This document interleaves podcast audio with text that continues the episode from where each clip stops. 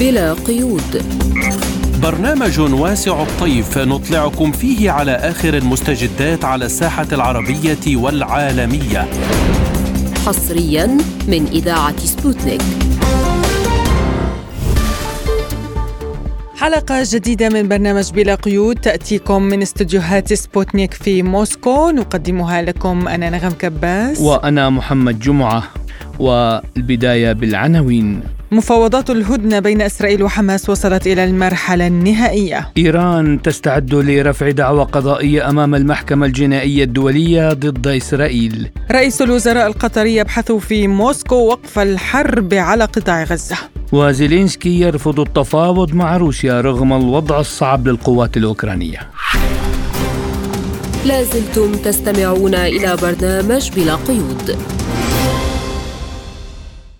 نبدأ من الشأن الفلسطيني فمع استمرار الحرب في قطاع غزة لليوم السادس والأربعين تتزايد فرص التوصل إلى هدنة فيما يواصل الجيش الإسرائيلي عملياته بالقطاع كما تواصل الفصائل الفلسطينية التصدي للقوات الإسرائيلية المتوغلة. وفي هذا السياق صرحت وزارة الخارجية القطرية بأن مفاوضات الهدنة بين إسرائيل وحماس وصلت إلى المرحلة النهائية وسيتم الإعلان عن معالم الاتفاق في الوقت المناسب. من جهة أخرى أفاد الكرملين بأن الرئيس الروسي فلاديمير بوتين سيشارك في قمة غير عادية لمجموعة بريكس عبر الفيديو لمناقشة الصراع الفلسطيني الإسرائيلي. في وقت سابق صرح الرئيس الروسي فلاديمير بوتين في خطابه في الجلسة العامة لمنتدى سان بطرسبورغ الثقافي الدولي التاسع بحدوث أشياء فظيعة في فلسطين وفي قطاع غزة تحديدا. وللحديث أكثر حول آخر مستجدات الحرب على غزة نستضيف معنا الخبير بالشأن الفلسطيني الإسرائيلي الدكتور حسن مرهج. أهلا بك دكتور في برنامج بلا قيود. تحياتي لك وللسيد نغم وجميع المستمعين. وأبدأ معك من تصريح وزارة الخارجية القطرية بأن مفاوضات الهدنه بين إسرائيل وحماس وصلت إلى المرحلة النهائية. هل سنشهد توقفا لإطلاق النار دكتور وبدء العمل الجاد في مسألة التسوية؟ حقيقة لا نستطيع أن نقول نهائي حتى أنه يتم التصريح عن هذا بشكل نهائي ولكن يعني جميع الأطراف المعنية في هذه المحادثات يعني يتحدثون عن التوصل إلى اتفاق في هذا الموضوع وأعتقد إنه يعني الجانب الإسرائيلي الآن الجواب لديه إذا كان هو موافق على ما تم طرحه أو لا. ولكن الكل ينتظر الإعلام بما أنه يعني أعطوا الإمكانية للجانب القطري بأنه هو من يقوم في يعني الإعلان الرسمي عن هذا الموضوع. وأعتقد أنه أيضا يعني سوف نشهد مثل هذه الهدنة. الكل يحتاجها. هناك ضغوطات في إسرائيل الآن من قبل عوائل الأسرى لدى حماس. وأيضا يعني الولايات المتحدة بدأت في مواقف حرجة وهي أيضا تضغط في هذا الموضوع.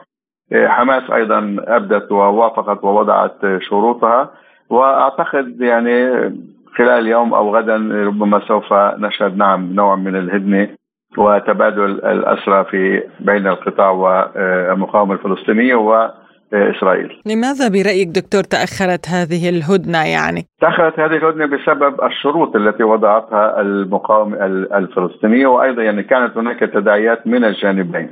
الجانب الفلسطيني وضع شروطا لهذه الهدنة، يعني تحدثوا في البداية وكلنا نذكر يعني إنه 50 مقابل 50 يعني شخص مقابل شخص وأعتقد إنه هذا لم يكن صحيحا لأنه المقاومه الفلسطينيه دائما تطلب مقابل أي شخص أعداد أكبر من ذلك بكثير. فلذلك لم يتم الإعلان حرفيا عن كل ما تم طرحه في هذا المضمار. الأمر الآخر والأهم أعتقد كان تماهي نوعا ما من الجانب الإسرائيلي في هذا الموضوع لأنه كان التعويل على إنه لربما حسب معلومات استخباراتية لديه أو أو معلومات أخرى عسكرية كان الرهان على إنه لربما يستطيع أن يحرر الأسرى في العملية العسكرية التي يجريها برا في قطاع غزة. وشاهدنا ما حصل للمستشفيات في تلك المنطقة والرهان الذي كان على هذه المستشفيات من قيادة من القيادة وأنه في هناك أسرى محجوزون بالمستشفى الشفاء أو تحت الأنفاق في تحت تحت المستشفى وأيضا مستشفيات أخرى أو أماكن أخرى. ولكن كل ذلك يعني لم يأتي في أي نتيجة وبالتالي كان لابد من الذهاب إلى هذا الحل.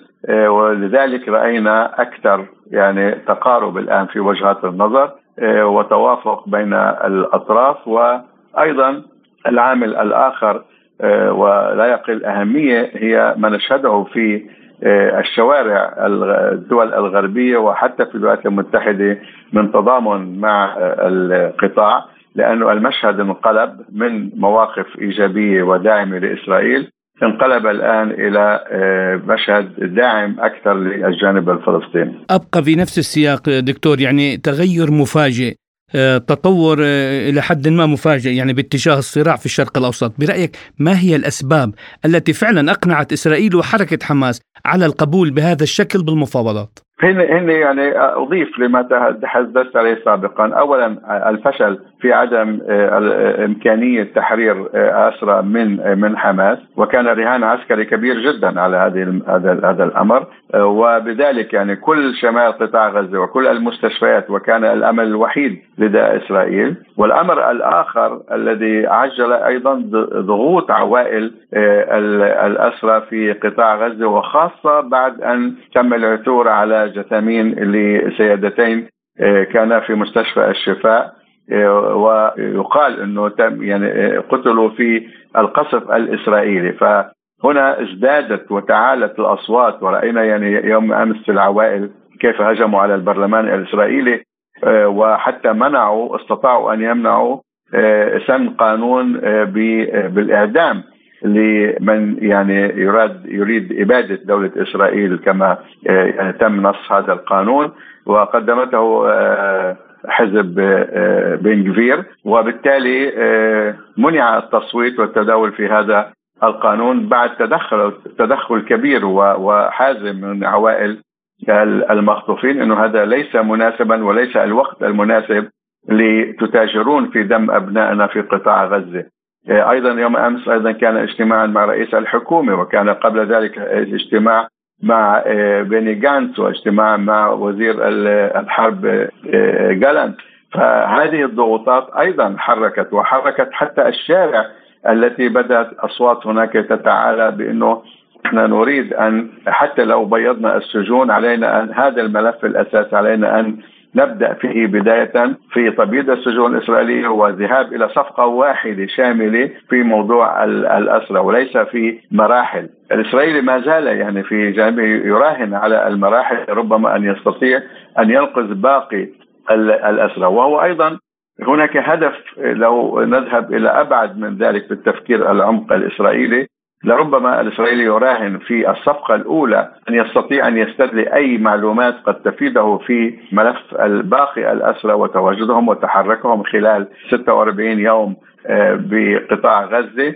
آه، لربما هذا يفيدهم ويقومون مثلا بعملية ما لانقاذ باقي الأسرى دون أن آه، يتم تبييض السجن. أيضا هذا يؤخذ في الحسبان أعتقد بالعقلية الإسرائيلية كيف نعرفها كيف تفكر يعني بأي توجهات هي تذهب. نعم دكتور أيضا يعني الدول العربية آه، بدأت بإرسال مساعدات كثيرة إلى قطاع غزة.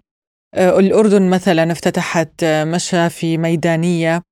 آه، أيضا مصر حاولت أيضا مساعدة الجرحى والمصابين. الإمارات استقبلت أطفالا. وهي أيضا تريد إرسال المياه مياه الشرب.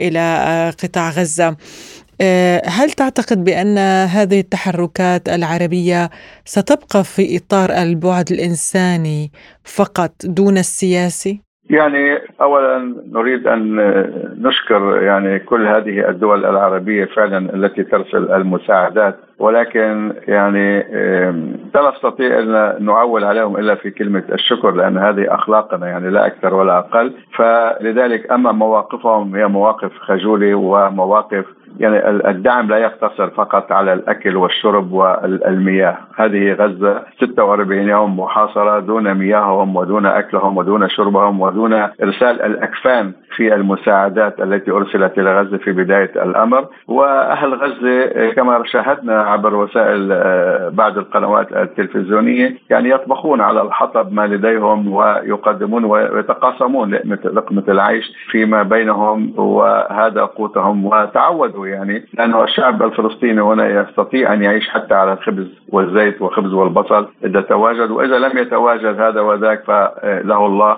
ويوجد قوته. فكل هذه المساعدات حقيقة الأمر فقدت من أهميتها ومكانتها في ظل عدم وجود المواقف السياسية لأنه هي نوع من الشفقة اليوم روسيا ترسل مساعدات اليوم أرسلت مساعدات ل...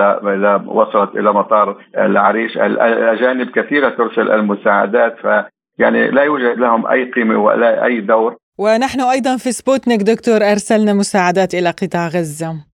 وأنتم بسبوتنيك هسه بعرف مني كمان مشكورين. هذه يعني مثل هذه المواقف هذه تسجل. يعني آه، آه، مثل سبوتنيك وموقف الروسي وكل هذه الأمور هذه تسجل. أما موقف عربي يعني الذي كل الحلفاء أو كل التحالفات الموجودة في العالم تقف صفا واحد في أي هجوم. هذا الناتو هذا آه، عندما أتى بايدن إلى إسرائيل هرولت كل زعماء الدول الأوروبية داعمة دون دون دعم أعمى. دعنينا نقول في في إذا صح التعبير.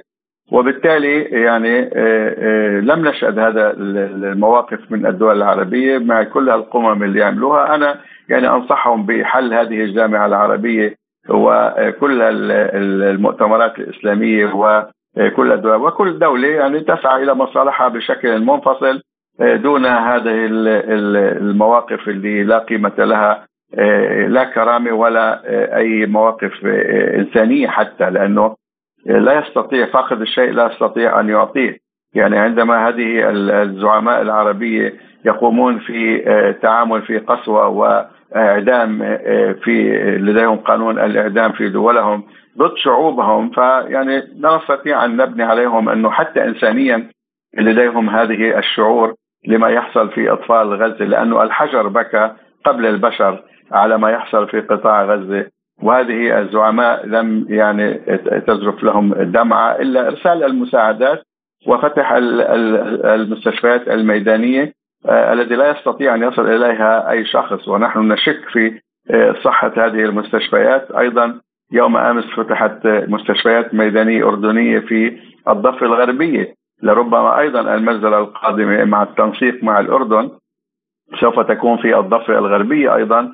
آه، ويقومون أيضا هناك في ترحيل آه، بعض المناطق التي آه، يعني تشكل خطرا ما على الجانب الإسرائيلي. ولذلك الأردن استعجل في بناء هذه المستشفيات. نعم دكتور يعني تحدثت عن انهيار نظام الرعاية الصحية بشكل كامل. طيب في هذا السياق هل تتدخل منظمات دولية لتفادي أزمة إنسانية كبرى جدا؟ يعني لا أعتقد إنه في الصليب الأحمر أيضا عاجز ونحن نشاهد ذلك اليوم. مثلا في عندك مستشفى الأندونيسي تم إجلاء كل المرضى.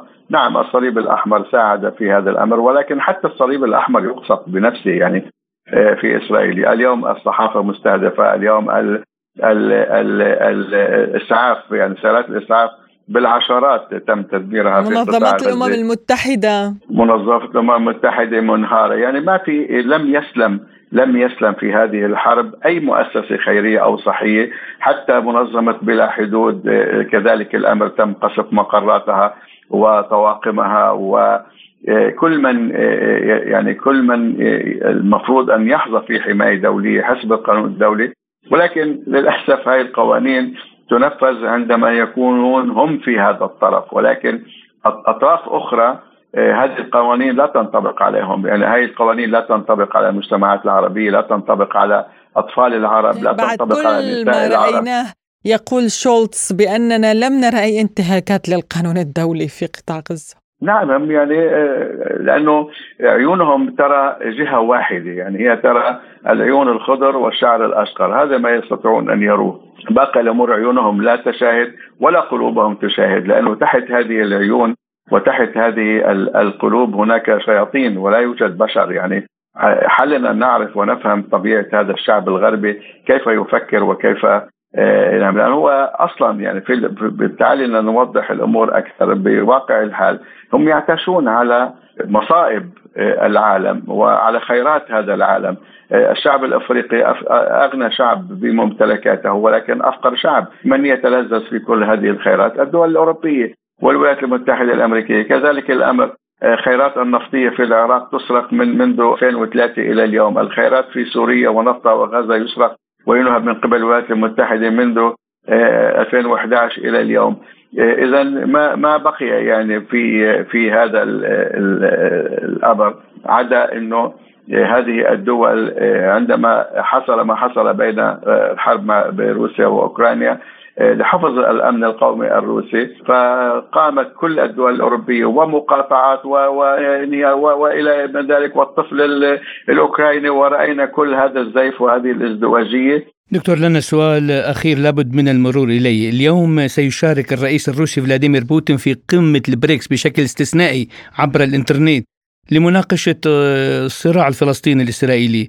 ما هي توقعاتكم حول القرارات التي يمكن أن تخرج بها القمة؟ يعني أنا باعتقادي آه، هذه القمة مثل هذه القمة نستطيع فعلا أن نعول عليها. مواقفها مهمة جدا لأنه من سوف يكون داعم إلى هذه القرارات هي دول الكبرى ولها تأثيرها في العالم. يعني حتى لو اتخذت آه، قرار اقتصادي واحد سوف يهز على العرش الاقتصادي العالمي بشكل تام. يعني نرى اليوم موقف بسيط جدا من اليمن. وما يفعله اليمن من التأثير على أسعار النفط العالمية القادمة. اذا آه، فما بالك عندما تتخذ هذه القمة مثل هذه القرارات والداعم لهذه القرارات تكون دول عظمى آه، كروسيا والصين وغيرها. أعتقد سوف يكون لها تأثير وأهمية.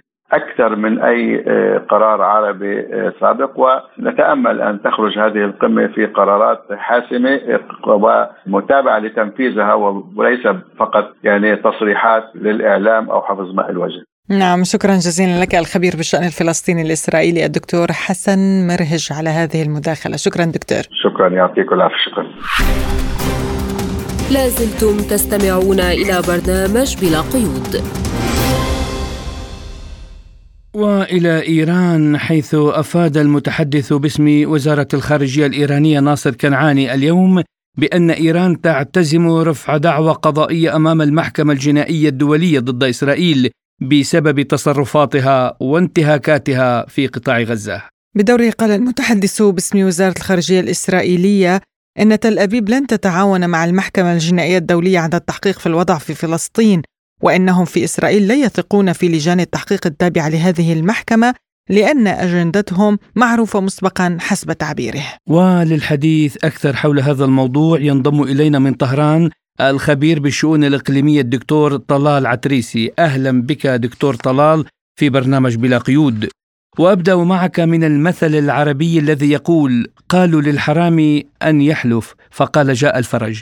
يعني ما الذي بإمكانه الآن أن يردع إسرائيل وهي التي تنفذ سياساتها القوى الغربية الكبرى. يعني الدعوة يفترض أنها محاولة ربما تثمر وربما لا تثمر لكن ضمن استراتيجية التطويق لإسرائيل في المحافل الدولية ربما يكون الهدف من رفع هذه الدعوة أن يكون هناك مجال على الأقل للنظر في طبيعة الجرائم التي ترتكب قد يكون هناك فرصة خاصة وأننا بدأنا نشهد تبدل في الرأي العام الدولي، تبدل في الإعلام الدولي، حتى في داخل العواصم الكبرى المؤيدة لإسرائيل هناك تظاهرات كبيرة وحتى الصحف حتى كتاب الرأي بدأوا يغيرون وجهة نظرهم، وبالتالي يعني قد يكون هناك فرصة قد تحين وقد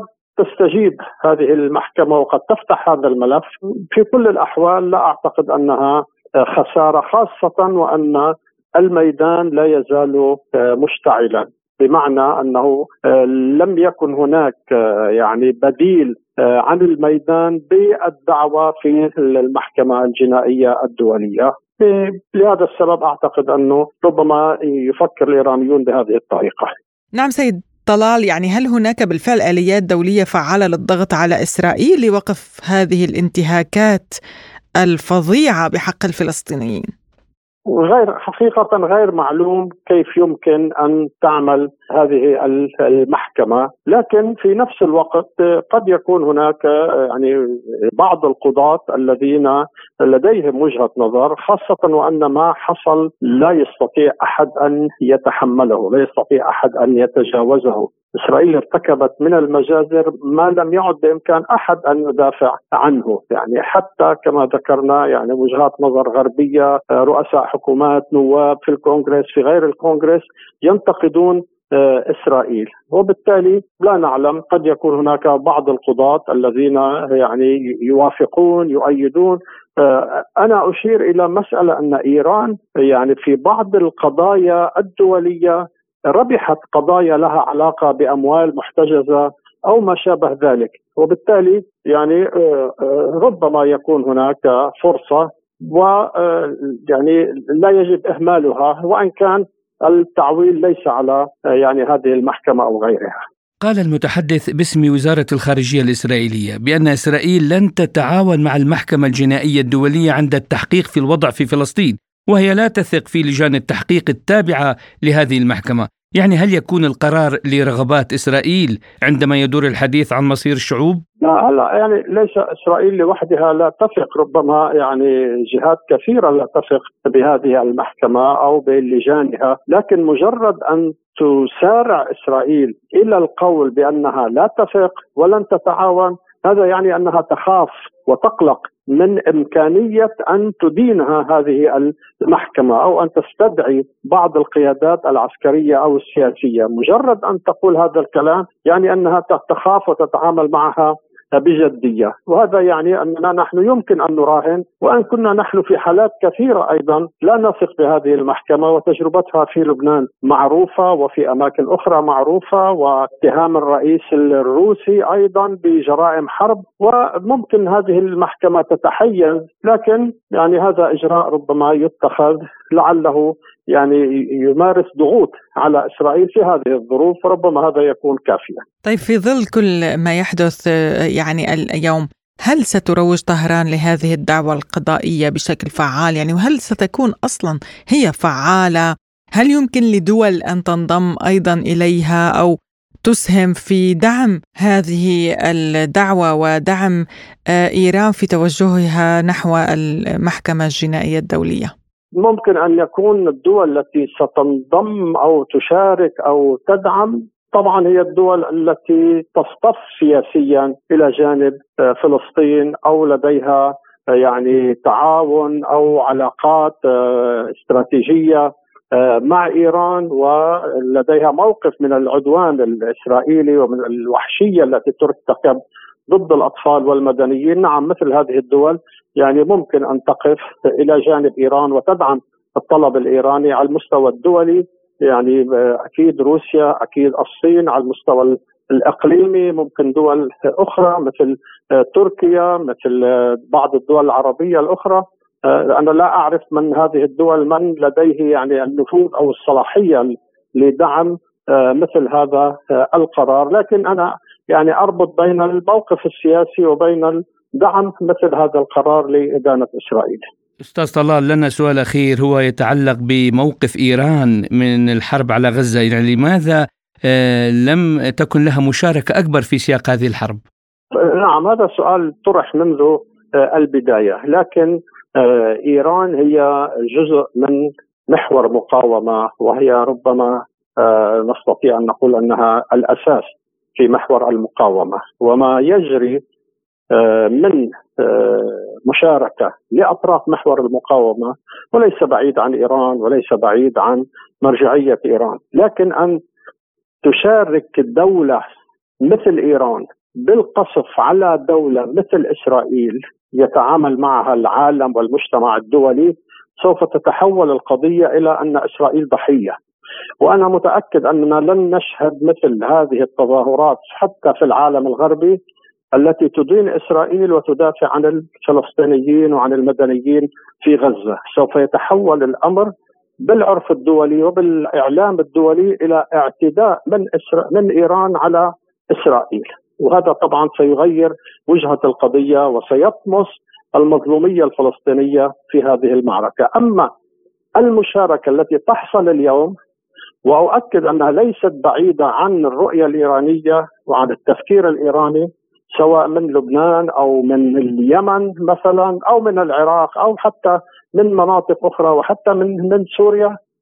هذا يعني أن هذه المشاركة هي مشاركة محور المقاومة وهي التي تسمح بعدم حصول تداعيات دولية وعدم تغيير وجهة القضية تجاه العدوان الإسرائيلي ومظلومية الشعب الفلسطيني، أعتقد أنه خيار استراتيجي دقيق وحساس وصحيح ويجنب المنطقة حرب كبرى غير معلوم إلى أين يمكن أن تصل نتائجها. الخبير بالشؤون الإقليمية السيد طلال عتريسي شكرا لك على هذه المداخلة. لازلتم تستمعون إلى برنامج بلا قيود. وهنا في موسكو يبحث رئيس مجلس الوزراء القطري وزير الخارجية محمد بن عبد الرحمن بن جاسم آل ثاني مع روسيا وبريطانيا وقف إطلاق النار بقطاع غزة.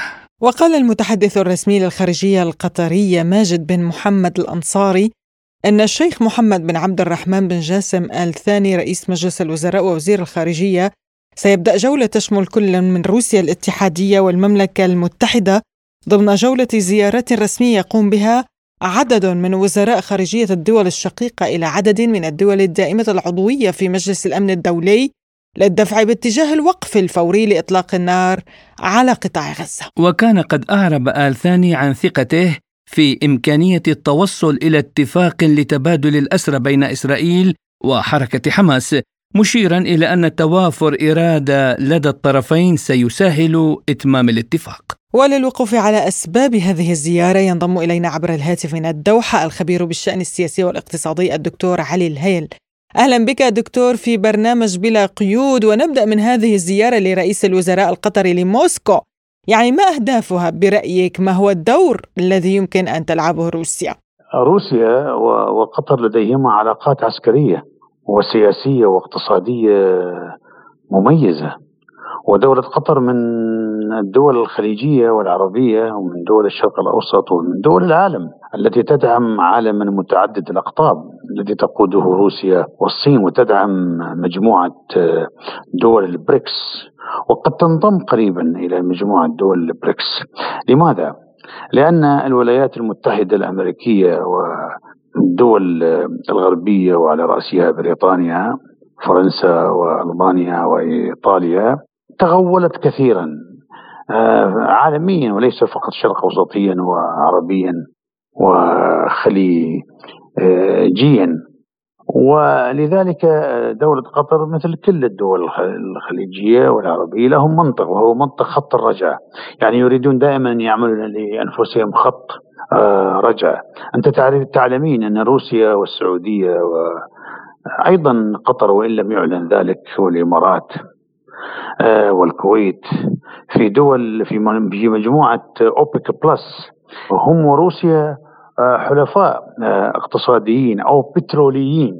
إذا صح التعبير لأنهم حريصون على رفع أسعار النفط أو إبقاء أسعار النفط عند المستوى الذي يخدم مصالحهم وبالتالي لا يستجيبون للرغبة الأمريكية وحلفاء أمريكا في دول الاتحاد الأوروبي والنيتو برفع مستوى الإنتاج الذي سيضر بمصالح روسيا والسعودية ودول الخليج. والدول النفطية الأخرى أيضا تدعم آه، روسيا بشكل أو آه، بآخر. ولذلك زيارة رئيس الوزراء القطري لروسيا تدخل في هذا الإطار وأيضا تدخل في إطار أن روسيا لها موقف على الأقل متوازن جدا في الصراع الفلسطيني الإسرائيلي وهل ستتمكن قطر مع الدول الأخرى من حل الصراع في الشرق الأوسط بشكل نهائي؟ لا لن تستطيع أن تتمكن لن تتمكن لن تستطيع أن تحل الصراع بين إسرائيل والفلسطينيين بشكل نهائي لماذا؟ لأن اللوبي الإسرائيلي بالمناسبة الولايات المتحدة الأمريكية برمتها وبريطانيا وفرنسا وألمانيا وإيطاليا وكندا كل هذه الدول التي تدعم إسرائيل دعما مطلقا في الخير وفي الشر ظالمة أو مظلومة يسيطر عليه اللوب الإسرائيلي. اللوب الإسرائيلي يتحكم في صناعة القرار. هذا ليس كلامي. هذا كلام نعومي تشومسكي في أمريكا وكلام بروفيسور برنارد في فرنسا وكلام مفكرين بريطانيين وايطاليين قالوا هذا الكلام يعني ناس معادين للصهيوني ليسوا معادين للسامية، أنا لست معاديا للسامية. أنا سامي بنفسي سمتك أيام سمتك ولكنني معاد للصهيونية وأنا لست ضد اليهود لدي أصدقاء يهود في كل أنحاء العالم. في البحرين لدينا حارة اليهود ولكنني ضد الصهيونية وضد العنصرية وضد القبلية وضد الانتقائية وضد كل صور آه الظلم. وضد صور الظلم. يعني ندوة أمريكية تم تداولها في حول العالم في مجموعات في التويتر وفي مجموعات الجروبات أو مجموعات الواتساب.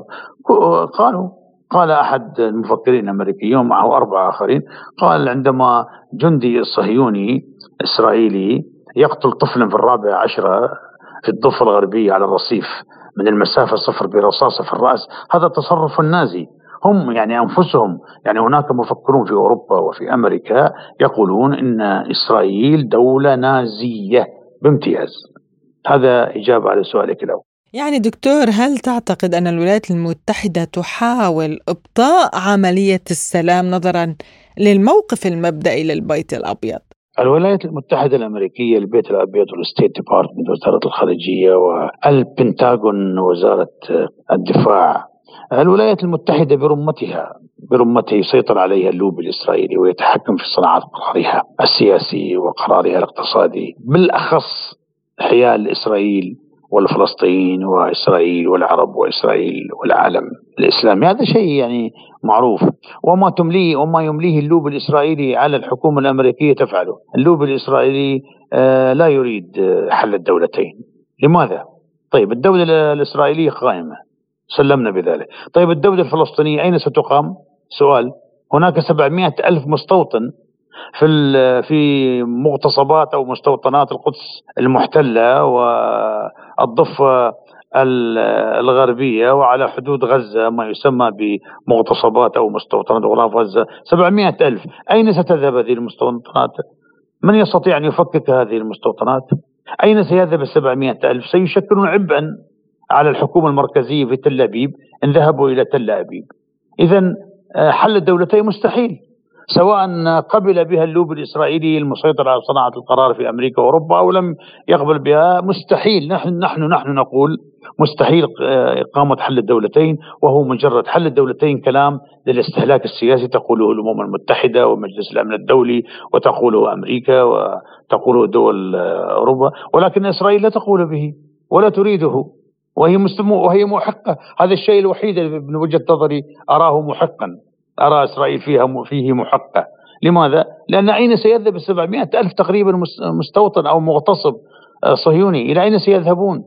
المستوطنات مزروعة كالألغام. المغتصبات أو المستوطنات مزروعة كالألغام في داخل آه، فلسطين المحتلة عام 67 فأين سيذهبون هؤلاء الناس؟ ولذلك الولايات المتحدة الأمريكية تقول وتفعل ما يملي عليها آه، اللوبي الإسرائيلي. شاء من شاء وأبى من أبى وصدق من صدق وكذب من كذب. السلام عليكم. الخبير بالشأن السياسي والاقتصادي الدكتور علي الهيل شكرا لك على هذه المداخلة القيمة.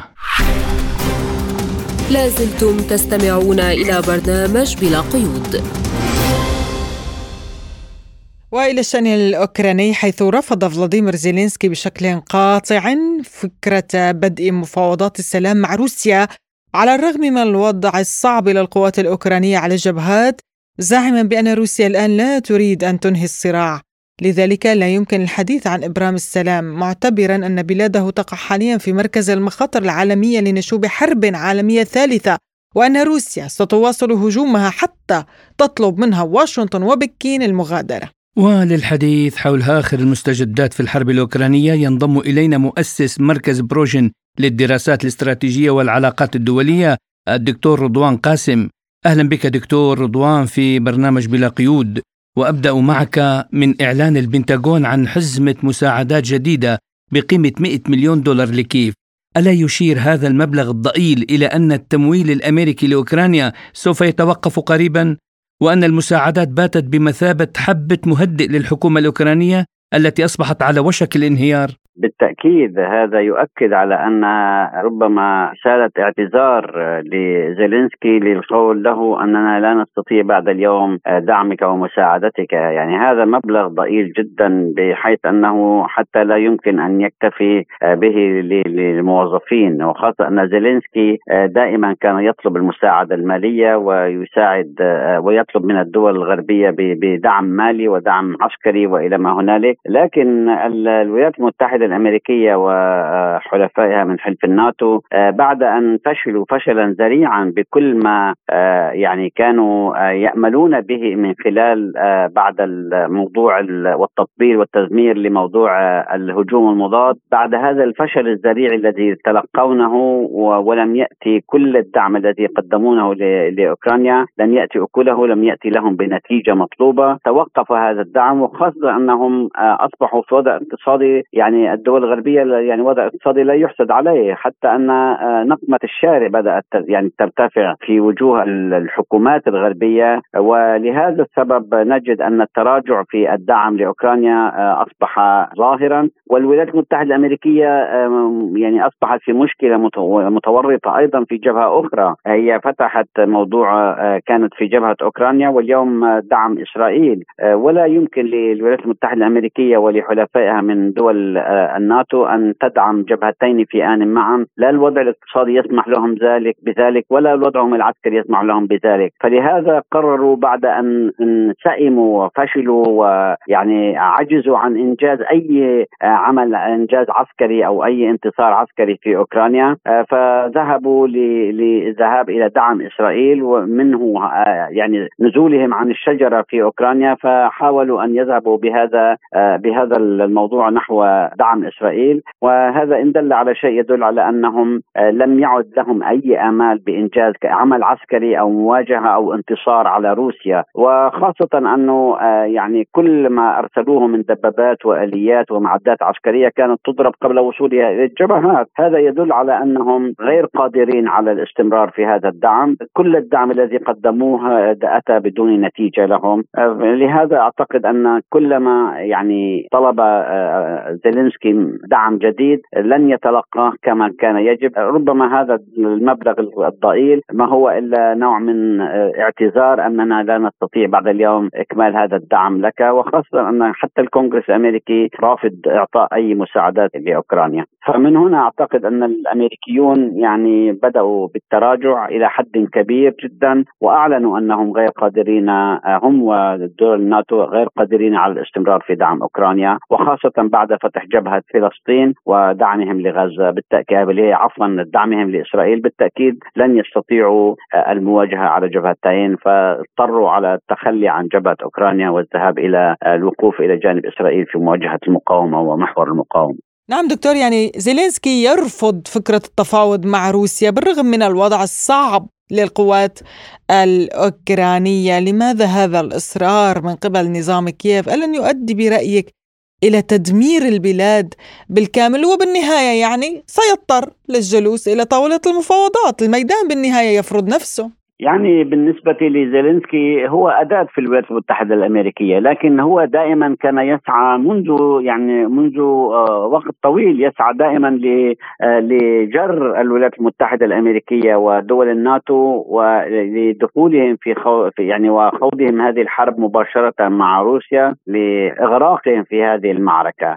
آه، هو دائما كان يسعى إلى أن تكون الولايات المتحدة الأمريكية أو دول الناتو معه مباشرة في المواجهة مع روسيا بحيث أنه يستطيع أن يلقي يعني آه، أو أو بالأحرى يعني يرفع عنه الثقل الذي آه، كان آه، عبئا عليه طوال هذه الأحداث التي كان يواجهها رغم أنه طبعا الأمريكي ودول الناتو لا تريد المواجهة المباشرة. كان كان زيلينسكي أداة لهذه المعركة وكان يفشل دائما في أي الوصول إلى انتصار أو أي هدف. هذا يعني اليوم عندما يطلب منه مثلا الذهاب إلى مفاوضات هو يرفض هذه المفاوضات لأنه يعرف تماما انها ستكون خسارة له يعني والأمريكي ربما يستغني عنه بهذه الحالة فيريد توريطهم بهذه المعركة إلا أن الأمريكي والدول الغربية لا تريد الدخول في في حرب مع روسيا مباشرة. وحتى لو طلبوا منهم لا أعتقد أنه سيستجيب لهذه الدعوة إنما في الواقع لو كانت الإدارة الأمريكية تريد أن تستغني عنه لفعلت ذلك لأنه كما ذكرنا أنه أداة في في يد الأمريكيين. باستطاعة الأمريكي أن يزيله أو يقيله أو يعني يتخلص منه بطريقة ما ويأتوا بشخص آخر بديل. إلا أنهم يحاولون قدر الاستنزاف روسيا قدر المستطاع. وهو أيضا لأنه يعني هو ممثل يعني هو مهرج. هو ليس الرئيس الذي يمكن أن يفكر استراتيجيا أو يفكر من أجل مصالح بلده. فمستعد أن يذهب إلى أبعد الحدود آه، بأن يحارب بالشعب الأوكراني والجيش الأوكراني. وللأسف الشديد هذا هم الذين يدفعون هذه الأثمان، أوكرانيا هي التي تدفع هذا هذه الأثمان الباهظة جدا ودون أن الوصول إلى أي نتيجة أو أي آه، هدف ممكن أن يحققوه، لكن كما ذكرنا أنه زيلينسكي يريد توريط الولايات المتحدة الأمريكية فلهذا يرفض الذهاب إلى آه، إلى مفاوضات. آه، إلا أنني أرى أن الولايات المتحدة الأمريكية لو أرادت ذلك بالتأكيد تستطيع أن تقيله أو لأنه هو كما ذكرنا هي من أتت به وهي قادرة على إقالته وتأتي بشخص آخر. إلا أنها تريد الاستفادة قدر المستطاع وإطالة هذه الأزمة قدر المستطاع طالما أنها قادرة أن أن يعني تستنزف آه، آه، روسيا وهي لم تدفع شيئا من ثمنها فهي تدفع يعني الشعب الأوكراني هو من يدفع الثمن. بينما الأمريكي هو المتفرج اليوم والمستفيد من هذا الاستنزاف لروسيا فيحاول إطالة أمد الحرب قدر المستطاع. نعم. أما في الواقع زيلينسكي يريد توريط الأمريكي وتوريط الناتو ولا يذهب إلى مفاوضات وهو يعرف تماما معرفة أنه خاسر فيها. نعم رغم أن الروس يريدون هذه المفاوضات بالتأكيد لأنه يعرفون أن الخاسر الأكبر هم الشعب هم الشعب الأوكراني. يعني في سياق المفاوضات أعلن وزير الخارجية التركي هاكان فيدان استعداد تركيا لأن تصبح الدولة المضيفة للمفاوضات بشأن أوكرانيا ففي حال انطلقت عملية التفاوض دكتور ما هي فرص نجاحها في ظل فشل سابقاتها؟ يعني آه، تركيا كانت وما زالت هي تعرض نفسها على أن تكون وسيطا وخاصة أنها عضو أساسي في حلف الناتو وهي حاولت أن تنجح في في موضوع الحبوب ونجحت إلى حد ما في موضوع الحبوب وتوصيله إلى الدول الأوروبية آه، لكن المشكلة ليست في تركيا على أنها مفاوض أو أو بالأحرى آه، تطرح نفسها على أنها وسيط لوضع أو لمفاوضات بين أوكرانيا وروسيا اولا المفاوضات يجب أن تكون مع الولايات المتحدة الأمريكية لأنهم هم هم اصحاب الشأن الحقيقي. يعني الأوكران آه، كما ذكرنا هم أداة لا أكثر ولا أقل بيد الأمريكيين. الكلمة الفصل هي للولايات المتحدة الأمريكية. المشكلة الآن أن تركيا تستطيع أن تكون وسيطا آه، في هذه المفاوضات. لكن للأسف الشديد يعني يعني المفاوضات تحتاج إلى طرفين أساسيين يريدون الذهاب إلى مفاوضات. روسيا تريد أن إيقاف هذه الحرب وتريد الذهاب إلى مفاوضات والحل يكون سلميا وتقف يعني يقف هذا النزف من من الدماء.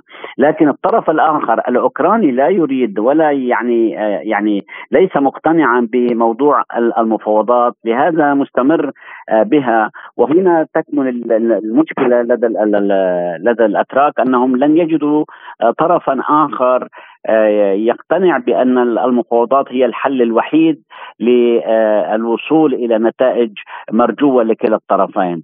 هذه من ناحية، من ناحية ثانية هنالك مشكلة بين الدول الناتو وتركيا وخاصة يعني رغم أن تركيا عضو أساس في حلف الناتو إلا إلا أن هنالك خلافات كبيرة وتناقضات في المواقف ما بين الدول الأوروبية وتركيا وخاصة ألمانيا مؤخرا كان هنالك الكثير من التناقضات في موضوع غزة وموضوع يعني إسرائيل مع التعامل مع في حرب مع الفلسطينيين.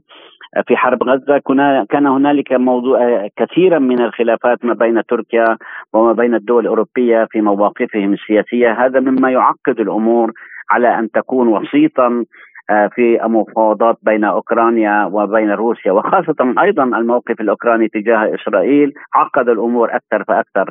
آه، فلا أعتقد انها ستكون يعني يعني آه، لها نتائج إيجابية كثيرا أو يعول عليها كثيرا. هذه الوساطة التركية آه، إلا أن المساعي تبقى دائما مساعي يعني حقيقة. لكن كما ذكرت أنه ليس هنالك طرف آخر الروسي يريد الذهاب إلى مفاوضات والحل آه، عبر المفاوضات لكن الطرف الآخر وهو الأمريكي ودول الناتو يريدون استنزاف روسيا قدر المستطاع كما ذكرنا. وبالتأكيد آه، الأوكراني أيضا زيلينسكي شخصيا لأنه يعرف تماما أن أي حل ممكن أن يودي بحياته أو أو يعني حياته السياسية طبعا أو التخلص منه ب يعني من قبل الأمريكيين. لأنه يكون قد انتهى دوره هو ليس أكثر من أنه يمثل دور آه، فطلب منه ويقوم بذلك. فال يعني آه، الاعتماد أو يعني تعليق آمال كبيرة على وساطة تركيا في إنجاح مفاوضات أنا لا أعتقد أنه خاصه في هذا الوقت بالذات لا أعتقد أنها ستكون كبيرة. هذه الأمال وكما ذكرنا لأجل الخلافات المتصاعدة وتعقيد الأمور أكثر فأكثر في موضوع وقوف الدول الناتو والولايات المتحدة الأمريكية إلى جانب إسرائيل ضد الشعب الفلسطيني. وبطبيعة الحال الموقف التركي كان واضحا أنه يقف إلى جانب غزة. وهذا مما يشكل عقبة أيضا من من احتمالية أي شر أو أي وساطة تركية للوصول إلى حل آه، اوكراني روسي. طيب ماذا عن تصريح بايدن الأخير آه الذي يظهر تناقضات في السياسة الخارجية الأمريكية لأنه اعتبر أن سياسة واشنطن تجاه أوكرانيا والشرق الأوسط تؤدي إلى تقدم وتعزيز أمن الولايات المتحدة، يعني كيف يمكن تفسير هكذا تصريح؟ يعني حقيقة هذا أمر مضحك يعني آه، أكثر من مضحك لأنه آه، هنالك تناقضات كبيرة جدا بين مواقف بايدن وبين الواقع على الأرض. أولا يعني آه، بالنسبة للأمن الأمريكي يعني أنه فشل فشلا ذريعا في أوكرانيا ولم يحصل على أي نتيجة بل بالعكس هو هزم في أوكرانيا. يعني رغم كل الدعم العسكري الذي قدمته الولايات المتحدة الأمريكية ودول الناتو لزيلينسكي لم يحصلوا على أي إنجاز عسكري لم يحصلوا على أي انتصار. يعني هذا الذي كان يعتبره إذا كان يعتبر أن كانت أوكرانيا هي لحفظ أمن القوم الأمريكي. هذا هدد أمن القوم الأمريكي أكثر فأكثر لأنه فشل في هذه الحرب. وهذا مما عزز الموقف الروسي أكثر فأكثر. لهذا السبب تناقضات بايدن أصبحت يعني جلية إلى أبعد الحدود. وتبين أنه غير قادر على استمرارية قيادة يعني قيادة الولايات المتحدة الأمريكية من خلال تصرفاته من خلال خطابه من خلال and تناقضاته في المواقف. يعني حتى في موضوع إسرائيل يعني وجدنا أنه أيضا آه، اتخذ مواقف إلى جانب إسرائيل وهو أيضا فشل في أن يحقق أي أهداف من التي وضعها أمامه أو أو أو, يعني كخطوط عريضة وأهداف أساسية لتحصيلها. آه، هذا يدل على أن هذه السياسات التي يتبعها جو بايدن آه، غير قابلة للتحقيق وتدل على أنها سياسات فاشله تدل على أنها يعني غبية إلى أبعد الحدود بل تزيد تعقيدا في الأمور وتجعل الولايات المتحدة الأمريكية تتأخر أكثر فأكثر آه، وهذا مما يعني يصير يعني نوع من الضحك حقيقه حتى أعرب عنها أكثر من مرة منافسه ترامب يعني عندما انتقده على المواقف التي اتخذها.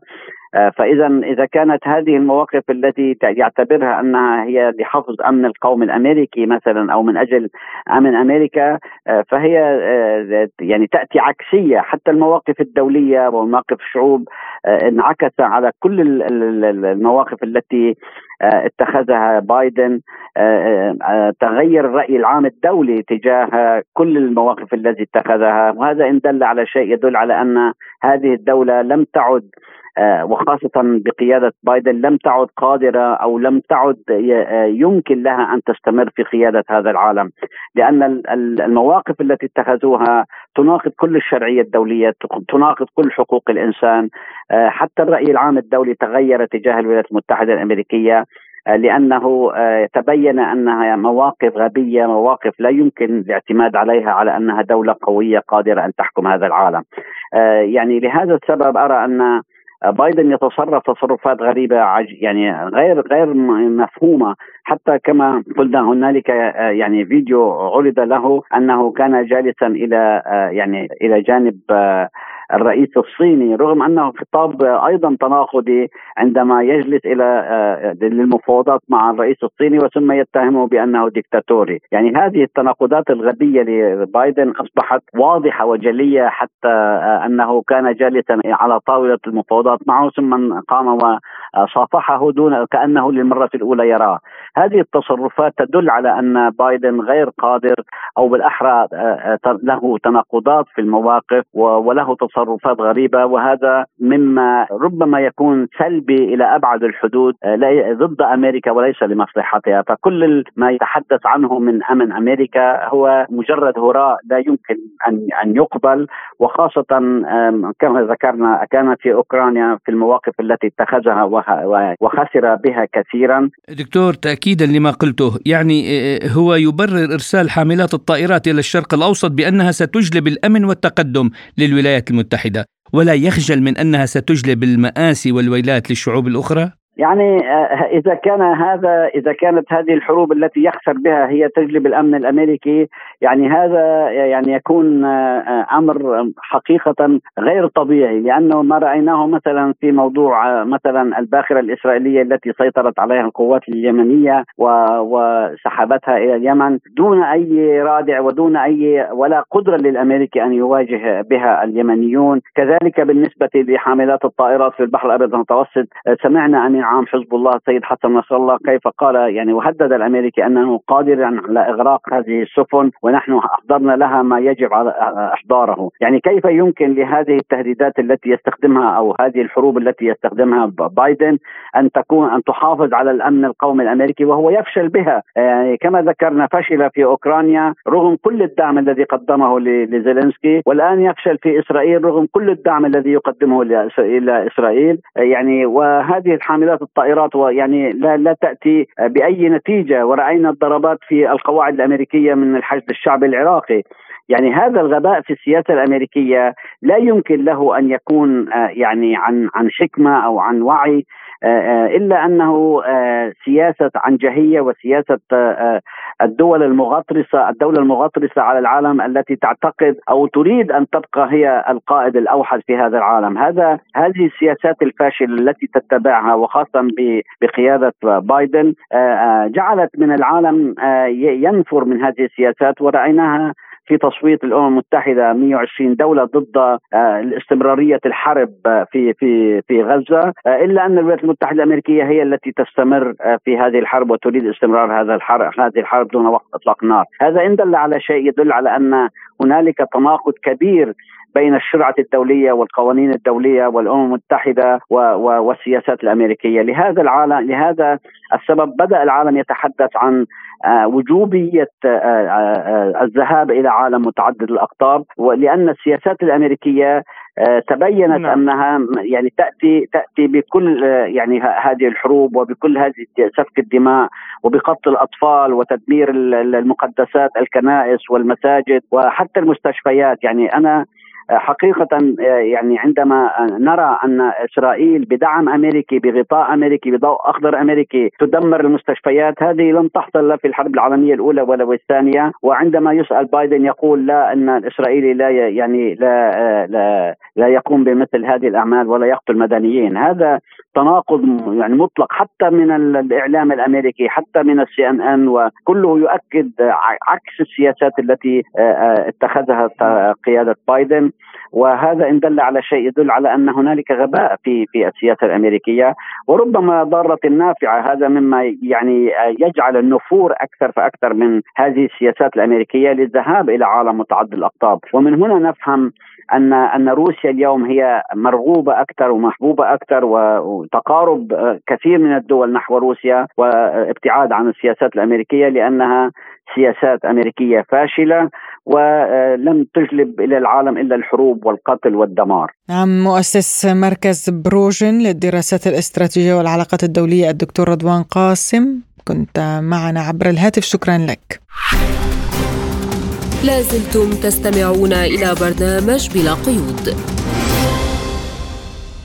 وإلى البنك المركزي السعودي الذي وقع مع نظيره الصيني اتفاقية لتبادل العملات لمدة ثلاث سنوات بقيمة تصل إلى 50 مليار يوان صيني. وتأتي هذه الاتفاقية في سياق التعاون المالي بين البنكين المركزيين مما يعكس توطيد العلاقات بينهما في المجالات ذات الاهتمام المشترك. للمزيد حول هذا الموضوع ينضم إلينا عبر الهاتف أستاذ الاقتصاد في جامعة الملك فيصل الدكتور محمد دليم القحطاني أهلا بك دكتور في برنامج بلا قيود ونبدأ من هذه الاتفاقية ماذا يعني ذلك بالنسبة لاقتصادي البلدين؟ من شأن الاتفاقية الصينية السعودية طبعا أن تعزز من موقف البلدين تجاريا وأيضا تعطي زخم قوي للعملتين السعودية والصينية. وكذلك هذا راح يعني يعزز من آه، تسهيل التبادل التجاري آه، وأيضا خلق قناة جديدة لمدفوعات التجار في كلا البلدين. فبالتالي هذه خطوة آه، موفقة عملية المقايضة في العملة لبلدين يعتبرون ضمن مجموعة العشرين وأيضا هناك يعني تبادل قوي آه، آه، خلال العقد الماضي وأيضا هناك مزيد من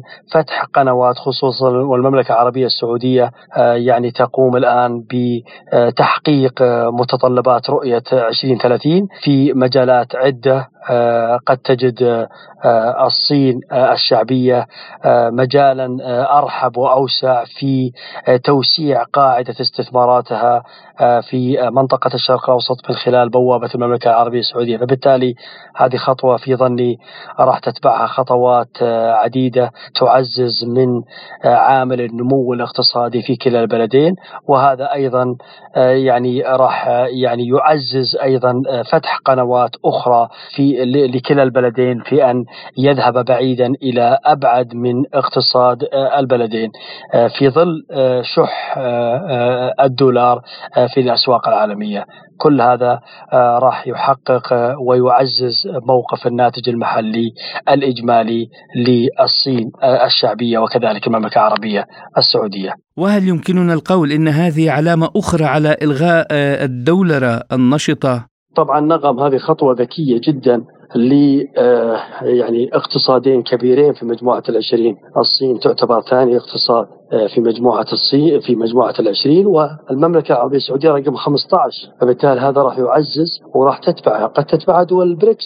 وهذه الخطوة اللي تحرص عليها المملكة أن تجعل موقف بريكس موقفا اقتصاديا لا سياسيا. ما تأثير ذلك برأيك دكتور على النظام المالي العالمي؟ الاتفاقية السعودية الصينية طبعا سيكون لها تأثير على الموقف المالي العالمي لأن الآن لا يزال حالة عدم اليقين تعتبر يسود أو يخيم على موقف الاقتصاد العالمي. كذلك يعني سعي العديد من الدول الأوروبية وكذلك أمريكا إلى كبح جماح التضخم. فبالتالي في الوقت اللي تشهد فيه اقتصادات أخرى نموا وازدهارا خصوصا في دول الاقتصادات الناشئة كالمملكة العربية السعودية والصين فبالتالي فبالتالي منعا لتعطيل حركة النمو للبلدان الناشئة ذات الاقتصادات المزدهرة والطموحة فبالتالي هذه بلا شك هذه فتح قناة جديدة لبناء نظام مالي يقوم على المقايضة. وهذا خطوة أولى